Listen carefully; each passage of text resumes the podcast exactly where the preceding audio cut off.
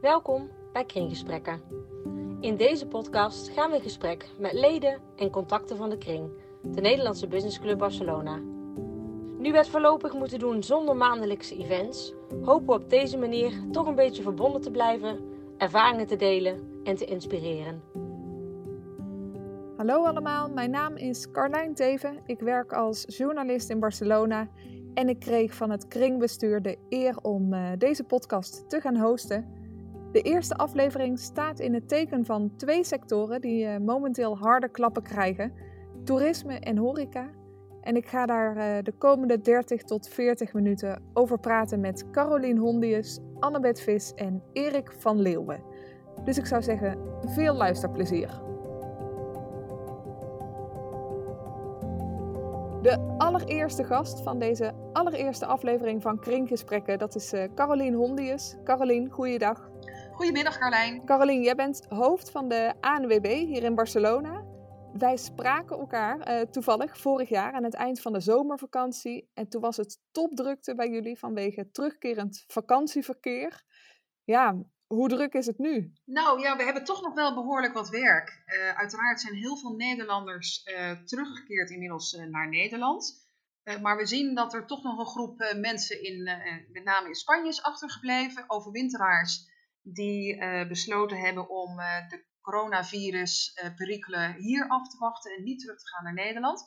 En er zit bijvoorbeeld ook nog een groep Nederlanders vast in Marokko, die niet hebben terug kunnen keren naar Nederland. Dus um, ja, ook deze groep die wordt nog gewoon ziek. Uh, die hebben hulpvragen. En uh, ja, die helpen wij op dit moment. Ja, want Marokko valt dus ook onder, onder jullie gebied. Kun je even kort uitleggen wat, uh, ja, wat jullie precies doen? Ja, vanuit Barcelona zijn wij verantwoordelijk voor Spanje, Portugal, Marokko en Latijns-Amerika. Daar ligt onze focus.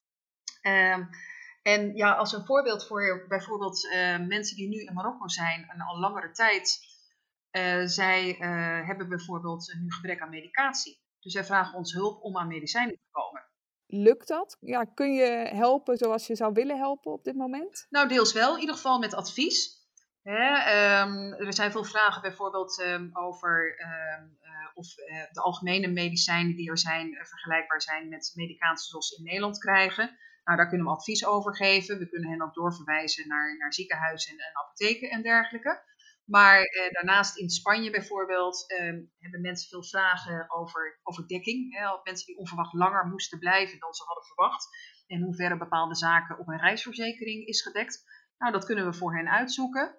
En we hebben vanuit Latijns-Amerika onder andere ook uh, wat uh, ja, um, evacuaties gedaan. Mensen gerepatrieerd terug naar Nederland.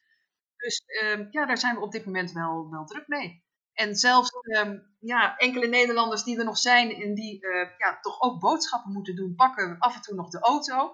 Ja, en ook die komen soms nog met pech te staan. Dus dat is dan eigenlijk zeg maar de gebruikelijke hulpverlening zoals we dat altijd kennen. Heeft de ANWB de afgelopen weken ja, gewoon doorgewerkt? Of heeft het ook een tijdje helemaal stil moeten liggen vanwege de, de coronamaatregelen? Nee, we hebben gewoon doorgewerkt. Wij konden gelukkig als steunpunt um, vanaf 16 maart, uh, toen hier uh, natuurlijk alles in de lockdown ging, konden wij vanaf dat moment allemaal thuiswerken. Dus alle medewerkers van het steunpunt, steunpunt werken thuis. En dat gaat, nou, vind ik bovenwonderlijk goed. Um, en van daaruit kunnen we eigenlijk al het werk doen wat wij normaliter op kantoor doen. Dus wij kunnen onze leden gelukkig net zo goed helpen als, als anders. Ja, dus jij, jij zit op dit moment ook thuis dan? Klopt, ja, aan, uh, aan de eettafel. En is, dat een, uh, is het een beetje te doen? Ja, dat is redelijk te doen, moet ik zeggen. Ik ben er inmiddels aan gewend. We hebben een soort van virtuele werkplek. En het is net alsof je op kantoor werkt. Dus wij kunnen in alle programma's, ik kan in alle bestanden. Uh, dus ja, ik kan eigenlijk al het werk doen wat, ik, wat we gebruikelijk normaaliter doen. Oké, wat goed, wat goed. Um, en hierna, stel het komt uh, straks, laten we hopen dat het allemaal weer uh, terug naar normaal gaat. Uh, is dat ook iets wat jullie misschien gaan overwegen om, om vaker vanuit huis te gaan werken? Nou, wij hadden al met elkaar bekeken in hoeverre wij konden gaan thuiswerken, sowieso. Hè, daar, ehm, daar waren we eigenlijk al net mee gestart. Een van de medewerkers had een eerste testwerkplek thuis. En voor een aantal andere medewerkers die daarvoor in aanmerking wilden komen, waren werkplekken onderweg naar Spanje toen uh, de crisis uitbrak. Dus dit is iets wat we eigenlijk al hadden ingevoerd en waar we ja, om die reden alleen al zeker mee zouden doorgaan. Maar ik moet zeggen, ehm, ja, door de ervaring van de afgelopen weken zie je wel wat thuiswerken nou eigenlijk echt inhoudt en wat de mogelijkheden zijn. En, en deels misschien ook onmogelijkheden of wat praktisch is en minder praktisch is. Dus ja, eh, we hebben een enorme grote testcase uiteindelijk op grote schaal gekregen. Jullie hebben normaal gesproken werknemers die speciaal voor het hoogseizoen naar Barcelona komen. Zijn die dit jaar afgebeld? Nee, die zijn niet afgebeld. Uh, we hebben wel uh, besloten om uh, de werving voorlopig on hold te zetten. We hadden al wat mensen aangenomen. Er komen ook wat mensen terug van, van vorig seizoen. Maar de verdere werving hebben we on hold gezet in afwachting van wat er de komende maanden gaat gebeuren. In hoeverre gaan eh, in Europa de grenzen weer open? Kunnen mensen weer komen? En dat is, dat is op dit moment nog onzeker. Dus we kijken wel binnen de alarmcentrale ehm, eh, hoe we het seizoen zeg maar, het beste kunnen gaan insteken. Waarbij we optimaal flexibel willen en moeten blijven, omdat we nog niet weten welke volumes we deze zomer gaan krijgen. Maar hoe dan ook, uh, zullen we voldoende mensen hebben om, om het werkaanbod aan te kunnen. En ehm, eh, de mensen die dus al waren aangenomen op het moment dat de hele coronacrisis uitbrak, uh, ja, zijn die dan nog gekomen of werken die vanuit Nederland, vanuit huis nu? Nou, één medewerkster die is begin eh, april begonnen. Um, zij verbleef al in Spanje en zij werkte ook vanaf huis. en de komende periode gaan wat meer mensen beginnen. En in eerste instantie zullen zij ook vanaf huis starten. In juni ehm, zou een klein groepje vanuit Nederland komen. Nou, we moeten zien of dat lukt. Hopelijk wel. En mocht dat niet lukken, kunnen zij ook vanuit Nederland of uh, op de alarmstralen in Den Haag uh, gaan werken. Um, nou ja, stel de grenzen gaan straks, uh, straks weer open. Mensen mogen weer van Nederland naar Spanje of vice versa rijden. Ligt er bij jullie dan een, een plan klaar voor dat moment? Nou ja, zeker. Want ehm, dat is natuurlijk de grote vraag. Hè. Wat, wat, wat kunnen we en wat gaan we doen de komende zomer? Voor Nederlanders is het duidelijk dat de meivakantie, ja, die is in het water gevallen. He, mensen hebben niet op vakantie gekund en hebben hooguit een alternatief gezocht in Nederland zelf. Dus ja, voor de, voor de zomervakantie zijn er natuurlijk nu een aantal vragen die spelen. Um, onder andere, ja, kan men thuis, gaat men thuis blijven in Nederland of uh, toch naar het buitenland? En zo ja, kiezen de mensen dan voor om dan dichter in de buurt van Nederland te blijven? Of gaan ze naar hun gebruikelijke bestemmingen? Gaan ze dan met de auto of gaan ze toch met het vliegtuig? En wat ook heel erg belangrijk is, ja, in hoeverre hebben mensen vertrouwen erin dat als ze op vakantie gaan, dat dat dan ook uh, goed gaat, veilig is, verantwoord is en of het vervolgens ook nog leuk wordt. Dus om, um, ja, om dat te toetsen, zeg maar, um, polsen wij elke week als ANWB het vakantiesentiment. Om te kijken hoe mensen er nu in uh, staan. En we zien uh, dat dat momenteel nog best wel wisselt dus uh, mensen zijn nog behoorlijk afwachtend met wat ze deze zomer gaan doen. En ja, afhankelijk van hoe en wanneer de grenzen opengaan en uh, de maatregelen die nu in alle landen getroffen zijn uh, versoepeld worden, zullen we moeten kijken ja, hoeveel Nederlanders er uiteindelijk voor gaan kiezen om komende zomer met de auto of met het vliegtuig ja, naar het buitenland te gaan. Elke week passen we zeg maar, ehm, ja, onze voorspellingen weer aan. En we werken daarbij met, met best case en worst case scenario's. En om daar de optimale flexibiliteit in hand te haven. En wat is dan een, een worst case scenario? Dat zou zijn dat er, uh, dat er niemand komt, dat de grenzen dicht blijven, bijvoorbeeld? Nou, dat zou wel een heel worst eh, case scenario zijn. We hopen uiteraard dat dat niet het geval zal zijn. Nee, nee. Carolien, wij vragen luisteraars van deze podcast, de leden van de, van de kring, ook om, uh, om vragen in te sturen voor de gasten. En voor jou kregen we deze vraag binnen van Peter Jacobs. Wat denk je, wordt het nog mogelijk deze zomer dat toeristen ook eh, Spanje bezoeken? Of op zijn minst uh, familie om uh, ouders te bezoeken, zoals mijn kinderen? Uh, of mensen die een eigen tweede woning hebben in Spanje, mogen die ook niet komen? Hoe gaat dat? Wat denk je daarvan? Ja, dat is natuurlijk een hele goede vraag. op dit moment nog niet. wat we, hè, deze week komt de Spaanse regering met een, ja, toch wel met een, zeg maar een soort van plan van de-escalatie om uh, de maatregelen wat te gaan versoepelen. Dat zal per autonomie bovendien dan ook nog verschillend zijn in verschillende ja, tempo's. Dus ja, ik ben heel erg benieuwd uh, wanneer er wat uh, mogelijk gaat zijn. laten we vooral hopen dat het virus en de hele crisis daaromheen ja, zich steeds positiever gaat ontwikkelen. Waardoor we hopelijk over één of twee maanden toch ja, met elkaar kunnen zien dat overheden binnen Europa besluiten dat de grenzen weer open gaan. En dat het voor toerisme ook weer leuk zal zijn en mogelijk zal zijn om uh, naar onze mooie landen te komen. Dat hopen we allemaal, denk ik. Um, ik heb nog één, uh, één laatste vraag voor je. Uh, waar kijk jij persoonlijk het meest naar uit als dit straks allemaal voorbij is? Oh, dat is best een goede vraag, waar ik natuurlijk ook wel eens over nadenk. Ik ben nu al zo gewend om, om vooral thuis te zitten. Nou, ik vind het al heerlijk als we komend weekend weer buiten een ommetje mogen maken en even weer wat kunnen gaan sporten. En uh, ja, vrijheid uh, is denk ik toch wel een heel groot goed. En we hebben de afgelopen maanden gezien dat we met elkaar veel vrijheden hebben moeten inleveren voor het welzijn van ons allemaal. En uh, ja, ik hoop dat dat toch op redelijk termijn weer terug gaat komen. Ook al ben ik bang dat we voorlopig nog in de anderhalve meter maatschappij zullen moeten leven. Maar goed, ook dat zal wennen. Dankjewel. Het is tijd voor onze tweede gast, dat is Annabeth Vis. Zij woont sinds 2002 in Barcelona en is voor haar inkomsten voor een groot deel afhankelijk van toerisme. Met Annabeth. Hey Annabeth, met Carlijn. Hoe gaat-ie? Uh, nou, naar omstandigheden goed, dank je. Ja, want jouw business draait grotendeels op toerisme. Kun je even kort vertellen wat je precies doet? Ja, ik ben inderdaad bijna helemaal afhankelijk van uh, toeristen die uh, naar Barcelona komen. Ik heb een website barcelonatips.nl en dat is een content website. en mijn geld verdien ik door de verkoop van tickets, hotelovernachtingen, kaarten voor wedstrijden van FC Barcelona, et cetera. Eigenlijk alles wat je maar wil en kunt als toerist. Ehm, dus dat heeft zeker grote invloed, deze situatie. Ja, ligt, ligt alles stil voor jou op dit moment? Op dit moment, ja, de ticketverkoop uh, ligt helemaal stil. hotels, et cetera ook.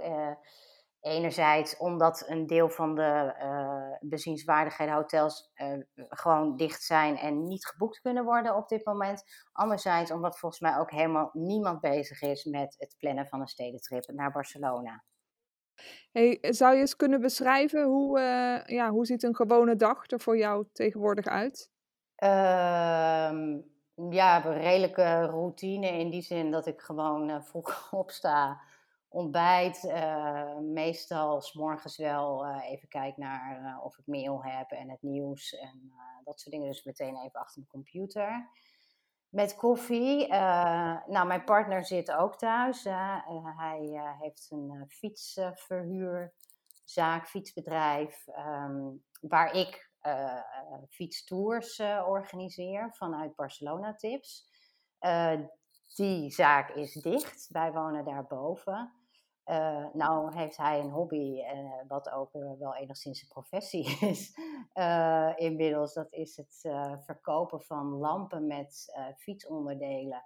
Dus hij gaat vaak in de ochtend naar de winkel en dan is hij daar lekker bezig, lekker aan het klussen.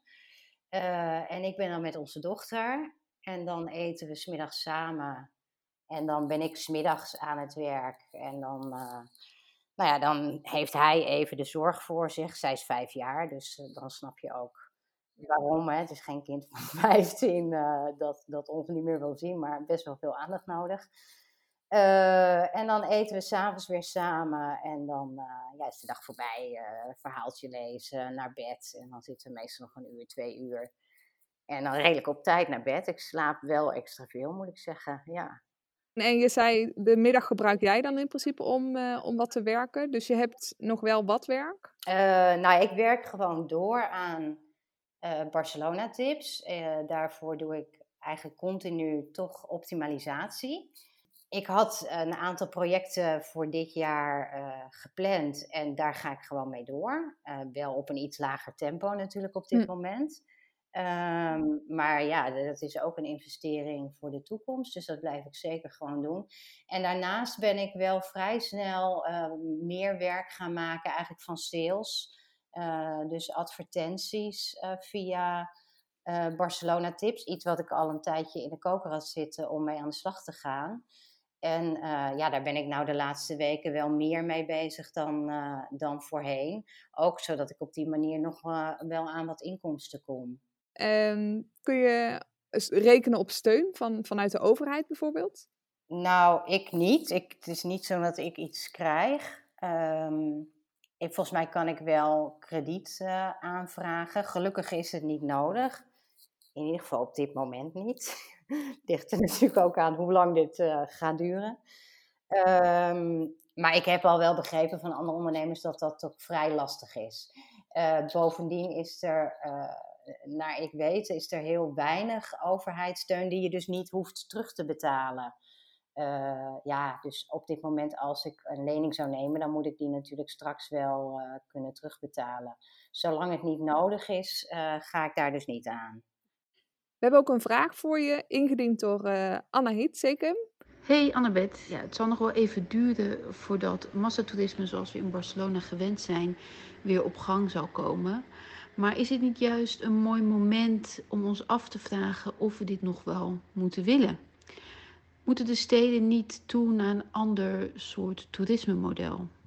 Uh, ja, dat denk ik uh, zeker. Dat daar ook uh, mensen mee bezig zijn, dat er over na wordt gedacht. wij waren er al wel mee bezig. zeker vanuit de zaak van mijn partner en de fietstours. heel erg kleinschalig toerisme. Wij wonen midden in de gotische buurt en we kennen hier vrij veel mensen. Uh, en ja, veel gesprekken heb je daar ook over, zeker omdat we allebei in het toerisme werkzaam zijn. Uh, de overlasten die uh, toerisme met zich meebrengt, maar bijvoorbeeld ook speculatie, het feit dat veel gezinnen gedwongen zijn om deze buurt te verlaten, omdat de huizenprijzen stijgen. Ja, er zijn veel mensen die in die zin al best wel veel positief zijn. Ik zit natuurlijk op allemaal WhatsApp-groepen ook met mensen uit de buurt. En uh, oh, schone lucht. En oh, de huizenprijzen zijn aan het zakken. Oh, de huur wordt weer lager, et cetera. Um, dit zou een moment kunnen zijn. Uh, de vraag is natuurlijk hoe het zich verder gaat ontwikkelen. Uh, en of dat het ook uh, gaat worden, of dat wordt doorgepakt. Want daar heb je toch een, denk ik, een vrij breed draagvlak voor nodig. en op dit moment is het denk ik heel veel crisisbeleid en ook wat hierna gaat komen. dus dan is de vraag in, in hoeverre is daar nu direct ruimte voor. Anderzijds denk ik wel dat het massatoerisme even gaat wegblijven zelf verwacht ik ook wel weer dat het terugkomt. Ja, uiteindelijk weer wel? Ik denk uiteindelijk dat de toeristische sector zich uh, gaat herstellen. Ik denk dat we met z'n allen zo gewend zijn geraakt aan reisjes, een stedentrip hier, stedentrip daar.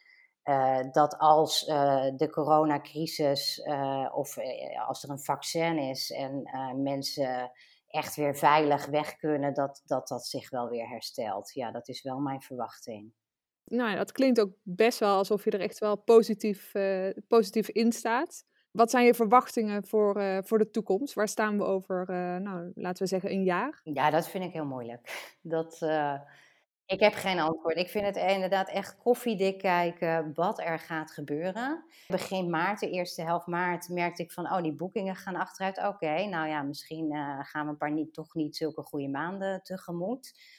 Uh, toen ging het heel snel. Die week uh, van na 8 maart was natuurlijk echt een stroomversnelling van oké, nu is alles dicht. Oh, dan zijn er helemaal geen boekingen meer te maken.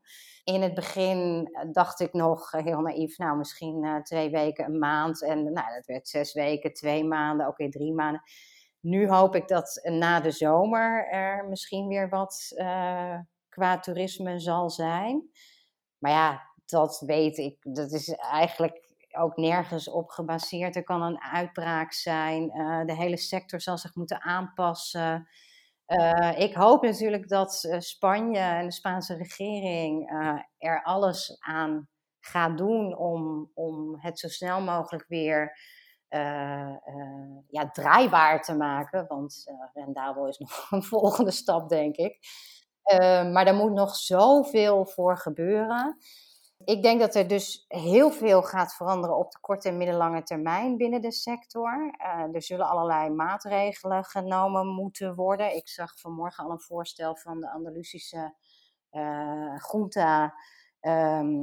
over dat mensen nog maar maximaal 90 minuten mogen nemen voor het middageten. Ze mogen hun eten niet meer delen. Oh, wat gaat er gebeuren met de tapas? Um, uh, wanneer mogen grote highlights überhaupt weer open? Want uh, volgens mij gaan eerst uh, gaat de retail en de detailhandel en komt de culturele sector toch echt nog wel weer wat later. Dus het toerisme heeft de culturele sector nodig, ook horeca nodig. Wanneer gaat de horeca weer open? En hoe gaat dat eruit zien? Durven mensen straks gewoon op het vliegtuig te stappen? Hoe kun je ervoor zorgen dat ze er vertrouwen in hebben dat de bestemming corona veilig is? Er zijn zoveel uh, dingen die een rol spelen. Ik hoop uh, dat ik over een jaar uh, nou ja, gewoon genoeg verdien om vooruit te kunnen en, en, en de periode te, kan overbruggen, dus totdat vaccin er is.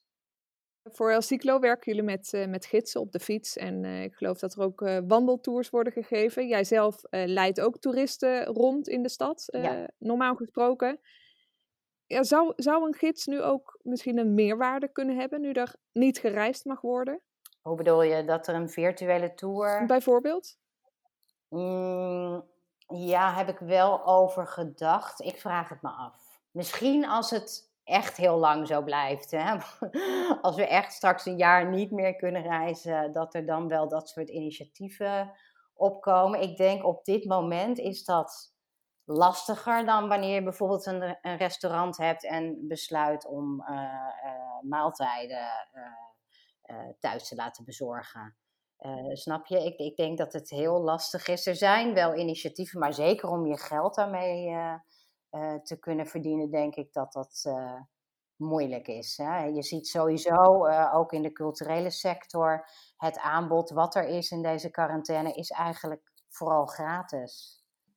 Waar kijk je het meest naar uit als de lockdown straks wordt opgeheven? om mijn vriendinnen te zien en om naar Nederland te gaan. Nederland, omdat, denk ik, omdat je zo'n heftige periode uh. Hè? En, en, en, en je dierbare je familie zit, mijn drie zussen en vriendinnen zitten uh, daar. Um, dus die, uh, ja, die wil ik heel graag gewoon even knuffelen, hm, als dat straks dan mag.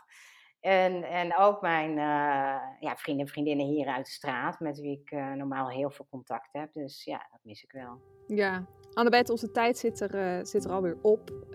Dank je wel voor je tijd. Heel veel succes de komende periode natuurlijk. En ik hoop dat we elkaar uh, snel weer zien. Ja, dat hoop ik ook. Dankjewel Carlijn. Ook de Spaanse horecasector wordt vanzelfsprekend hard geraakt in deze tijd. En als het gaat over Nederlandse ondernemers in de horeca in Barcelona, dan bel je natuurlijk even met Erik van Leeuwen. Erik, goeiedag. Goeiedag. Ja, veel uh, luisteraars van deze podcast zullen jou misschien vooral kennen als de eigenaar van Café Rembrandt, maar je doet nog veel meer. Uh, vertel nog even voor wie het niet uh, precies weet, wie ben je en wat doe je? Ik woon inmiddels al ruim 14 jaar in Barcelona. Ik ben, zoals je al zei, horeca-ondernemer en wij hebben op dit moment drie zaken. Die heb ik met een aantal partners van mij. Um, de Rembrandt Café is waarschijnlijk voor een heleboel Nederlanders de bekendste die wij, uh, wij hebben. Dat is een soort Nederlands eetcafé. Waar we heel veel dingen doen, gericht op groepen, uh, voetballen, uitzenden, uh, stack- en handparties, cocktailklassen. daarnaast heb ik nog een andere zaak, een tapaszaak in Barceloneta. Die heet Amara 69. En daar doen we eigenlijk heel veel ja, entertainment, live muzikanten, DJ's. En uh, anderhalf jaar geleden hebben we ons nieuwe, nieuwste restaurant geopend. Dat is Roots Rolls en dat is een 100% uh, ehm, eh, plantaardig uh, concept. Waarin we op een leuke manier, zonder nou echt heel veel druk erop te zetten dat mensen geen vlees meer mogen eten, maar mensen wel in contact brengen met het, de mogelijkheden uh, van plant-based kunnen eten. En ja, daar hebben we eigenlijk tot op heden heel veel succes mee gehaald. Ja, en dat houdt nu door deze uh, crisis eventjes tijdelijk op. Ja, ja, want drie zaken dus, die nu al, uh, al een hele tijd op slot zijn. Ja. Vertel, hoe, hoe gaat het ja, persoonlijk met jou, met jullie? Nou, gelukkig zijn wij allemaal uh, gezond. Uh, dat, dat zegt men dat dat op dit moment allemaal het belangrijkste is. Dat is natuurlijk ook zo. alleen naast de fysieke gezondheid heb je natuurlijk ook nog eens de, de, de, geestelijke gezondheid. Ja, daar is het op dit moment eventjes af en toe wel op met met een heleboel dalen en af en toe eens een keer een kleine piek. Maar ja, we, we maken ons best wel zorgen hoe het eruit gaat zien op het moment dat, uh, dat deze crisis voorbij is. En, en Amara vertelde je net al, dat zit uh, in Barceloneta aan, uh, aan zee. Ik kijk nu naar buiten, het is lekker weer. Het hoogseizoen nou ja, zou voor de deur staan. Ja. Normaal gesproken puilen de terrassen en de cafés nu uit. Ja. Ja, welke, welke impact heeft de coronacrisis op jouw business ja, concreet? Enorm, enorm. Want uh, ja, we hebben gewoon nul inkomen. Nul. En uh, ja, met Amare, uh, een mooi weekend in deze periode van het jaar houdt gewoon in dat we ram en ram vol zitten. Rembrandt hadden we dit weekend hadden we het Koningsdagfeest gepland staan. daar was allemaal ja. voor geregeld. Ja. Uh, ja, we hebben natuurlijk, uiteraard begrijpen we dat we maar af moeten blazen. Maar ja, ik zou liegen om te zeggen dat dit uh, geen pijn doet. Want stel, de lockdown die wordt straks opgeheven. Jullie mogen weer uh, open. Maakt dat idee je blij? Of is het misschien ook vooral heel spannend? Van wat gaat er gebeuren en gaan er nog mensen komen? Nou, ik denk met name het laatste. Ehm, pak hem even beet bij Rembrandt. nou ja, zoals ik het net omschreef, de dingen waar wij op draaien. Ja, die zijn eigenlijk op dit moment allemaal even niet in zicht dat die weer heel snel uh, op ons pad gaan komen. Dus ik ga geen uh, voetbalwedstrijden uit kunnen zenden. Ik ga geen vrijgezellenfeesten en dat soort dingen kunnen organiseren. Ik heb een heel groot cliënteel wat, uh, wat in Arts Hotel, het hotel wat dichtstbijzijnde bij ons bar is, werkt. En die daarna bij ons een gezelligheid wat komen eten en drinken. Ja, zoals het er nu naar uitziet gaan de vijf sterren hotels voorlopig ook nog niet open.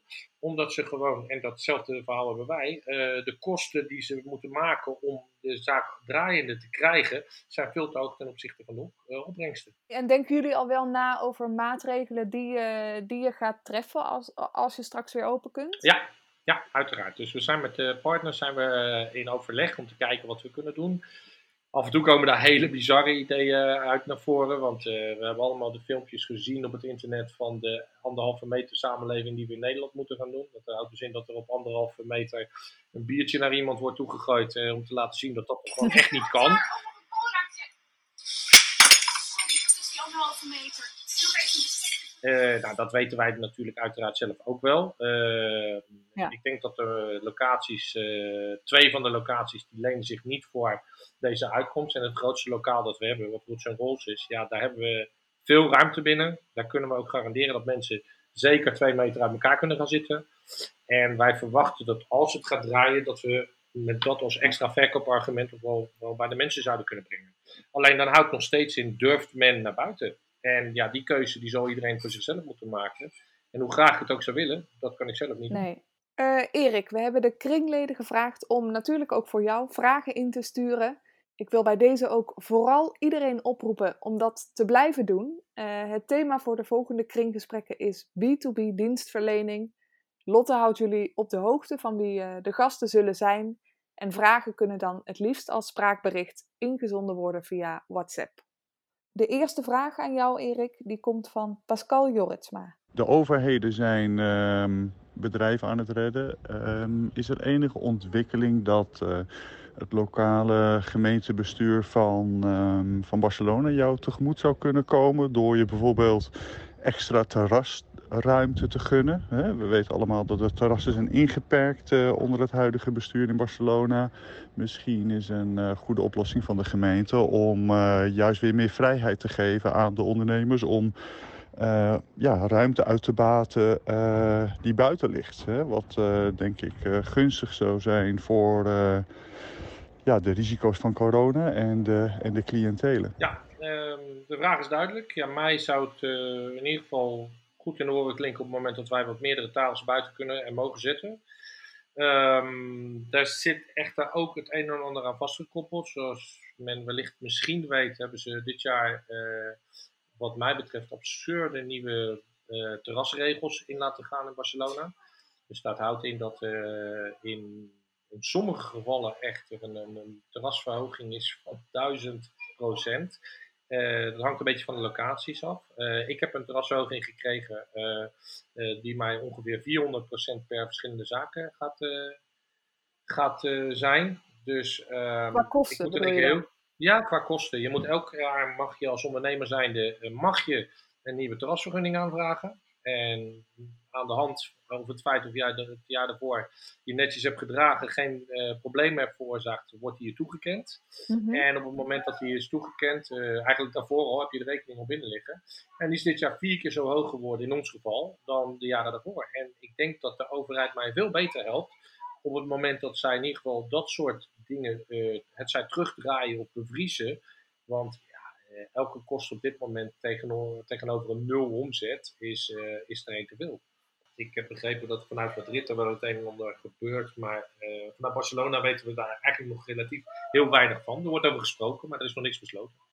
Um, ook Ed de Wolf stuurde een vraag in en die is als volgt. We kunnen ons allemaal voorstellen hoe moeilijk de anderhalve meter regel is voor toerisme en horeca. Um, heeft de horecabranche zelf ook opties naar voren gebracht die door de overheid worden beoordeeld of overwogen? Um, ik heb uh, met betrekking tot deze vraag uh, wel het een en ander voorbij zien komen. Maar dat zijn dus inderdaad een soort van glazen huizen in, uh, in de bar of restaurant zelf. Dus dat eigenlijk alles volledig is afgedekt. Ik heb wat dingen voorbij zien komen, dat apps, dat mensen via hun telefoon bestellingen door kunnen gaan geven. ik heb wat, wat, wat, wat, wat klein spul voorbij zien komen. Alleen als we even heel realistisch gaan kijken, ik denk dat voor een groot gedeelte de manier zoals dat wij horecabedrijven hier in Barcelona met onze drie zaken, nou, eigenlijk uh, alleen maar bij gebaat is op het moment dat mensen gewoon weer normaal naar buiten kunnen en normaal naar een restaurant kunnen. Want uh, de aanpassingen die wij tot nog toe hebben gezien zijn dusdanig dat ik niet weet of we dat kunnen realiseren in de kleine ruimtes die we hier in Barcelona hebben. Nee, oké, oké, duidelijk. Um, dan nog een vraag van Elske Rook. Gaan we in de horeca en toerisme mogelijk prijsstijgingen zien om zo sneller weer bovenop te komen? Of eerder prijsdalingen? Um, nou, de marges zoals we die hier in Barcelona uh, hebben op, uh, op horeca zijn bijzonder klein. Uh, mensen zijn hier ook wat minder gewend om te betalen voor het consumeren van eten en drinken in Barcelona. Dat is mijn ervaring in ieder geval. En degene die ons daar eigenlijk bovenop helpen in dat verhaal zijn de toeristen. En de toeristen die zullen toch echt wel, wat horeca betreft, heel snel weer deze kant op moeten gaan komen. Want die zijn voornamelijk degene die, die het uh, horeca gebeuren hier in Barcelona in stand houden. Als wij ervan uit moeten gaan dat de Spaanse economie ons horecasysteem moet gaan redden, dan zie ik het een beetje somber in. dan zullen de prijzen ongetwijfeld omlaag gaan, want mensen willen toch graag andere mensen binnen hebben. Uh, alleen, ja, dat gaat dus inhouden dat er waarschijnlijk nog meer zaken over de kop gaan dan dat er nu al uh, voorspeld wordt. Dus het probleem is een beetje dat ja, de, druk die er op dit moment op de horeca is, is bijzonder groot. Er zijn, ik heb verschillende voorspellingen voorbij zien komen over hoeveel zaken het uiteindelijk gaan redden in Barcelona en hoeveel niet. Nou, daar schrik ik best wel een beetje van. Wat, wat zijn die cijfers? Wat zeggen ja, die cijfers? Ik heb, ik heb gehoord dat de helft van, van de horecaondernemers in, uh, in Barcelona ja, waarschijnlijk het niet gaan redden. En uh, het lastige is nu dat het op dit moment uh, wel vrij duidelijk is welke horecazaken daar als eerste aan de beurt zijn. Dat zijn met name de grote zaken, de clubs en dat soort dingen. Ja, die hebben belachelijke hoge huren die ze niet eens op kunnen brengen. En het is ook afhankelijk van of die huren naar beneden worden gebracht ja of de nee, of worden kwijtgescholden, of, of zo'n zaak kan overleven. En hoe moeilijk we het ook nu hebben, ik denk dat de hardste klappen eigenlijk gaan komen op het moment dat we weer open gaan. Want uh, wie, wie, wie heeft er dan nog een beetje vet op zijn botten en kan bepaalde investeringen maken om te zorgen dat, uh, dat de zaak de corona-proof bij gaat staan en wie niet? Ja, Erik, als laatste vraag. Is er iets wat je andere ondernemers in Barcelona voor deze periode zou willen meegeven? Um, ondernemen op dit moment is, uh, is vooruitzien en kijken welke dingen je kan doen om, om, te blijven doen wat je, wat je graag doet. En in ons geval is dat uh, horeca, mensen bedienen, mensen blij maken. En um, ja, ik denk dat het super, super, super belangrijk is dat mensen goed realiseren dat de hardste klap, zeker in de horeca, nog een klein stukje voor ons uit ligt. Ehm, wij hebben wat geduld met elkaar. probeer naar oplossingen te zoeken in plaats van je, je poot stijf te houden met betrekking tot leveranciers, betaling en dat soort dingen allemaal. Dus wees gewoon een beetje coulant naar elkaar en probeer elkaar te helpen in plaats van alleen maar je eigen belangen te stellen. Mooie, mooie woorden, denk ik, om, om dit gesprek mee af te sluiten. Erik, uh, namens mij, maar ook namens het bestuur van de Kring en namens de luisteraars, dank je wel uh, en heel veel succes de komende tijd. Vriendelijk bedankt en jullie uiteraard ook heel veel sterkte. En we hopen elkaar gauw weer in de goede tijden ergens tegen te gaan komen. Nou, dat was hem alweer. De allereerste kringgesprekken. Hopelijk hebben jullie met plezier en interesse geluisterd en zijn jullie er uh, de volgende keer weer bij. Ik wel in ieder geval. Dankjewel. Deze podcast werd mede mogelijk gemaakt door de sponsoren van de Kring. Euroeconomics, freelancecra.com, Talent Search People, IFAR, ISE, Naranja Tech, Rabobank, Chimbrere Advocaten, Interaction, City Trips Barcelona en EY. Wilt u meer weten over de kring? Kijk dan ook eens op onze website www.dekring.org.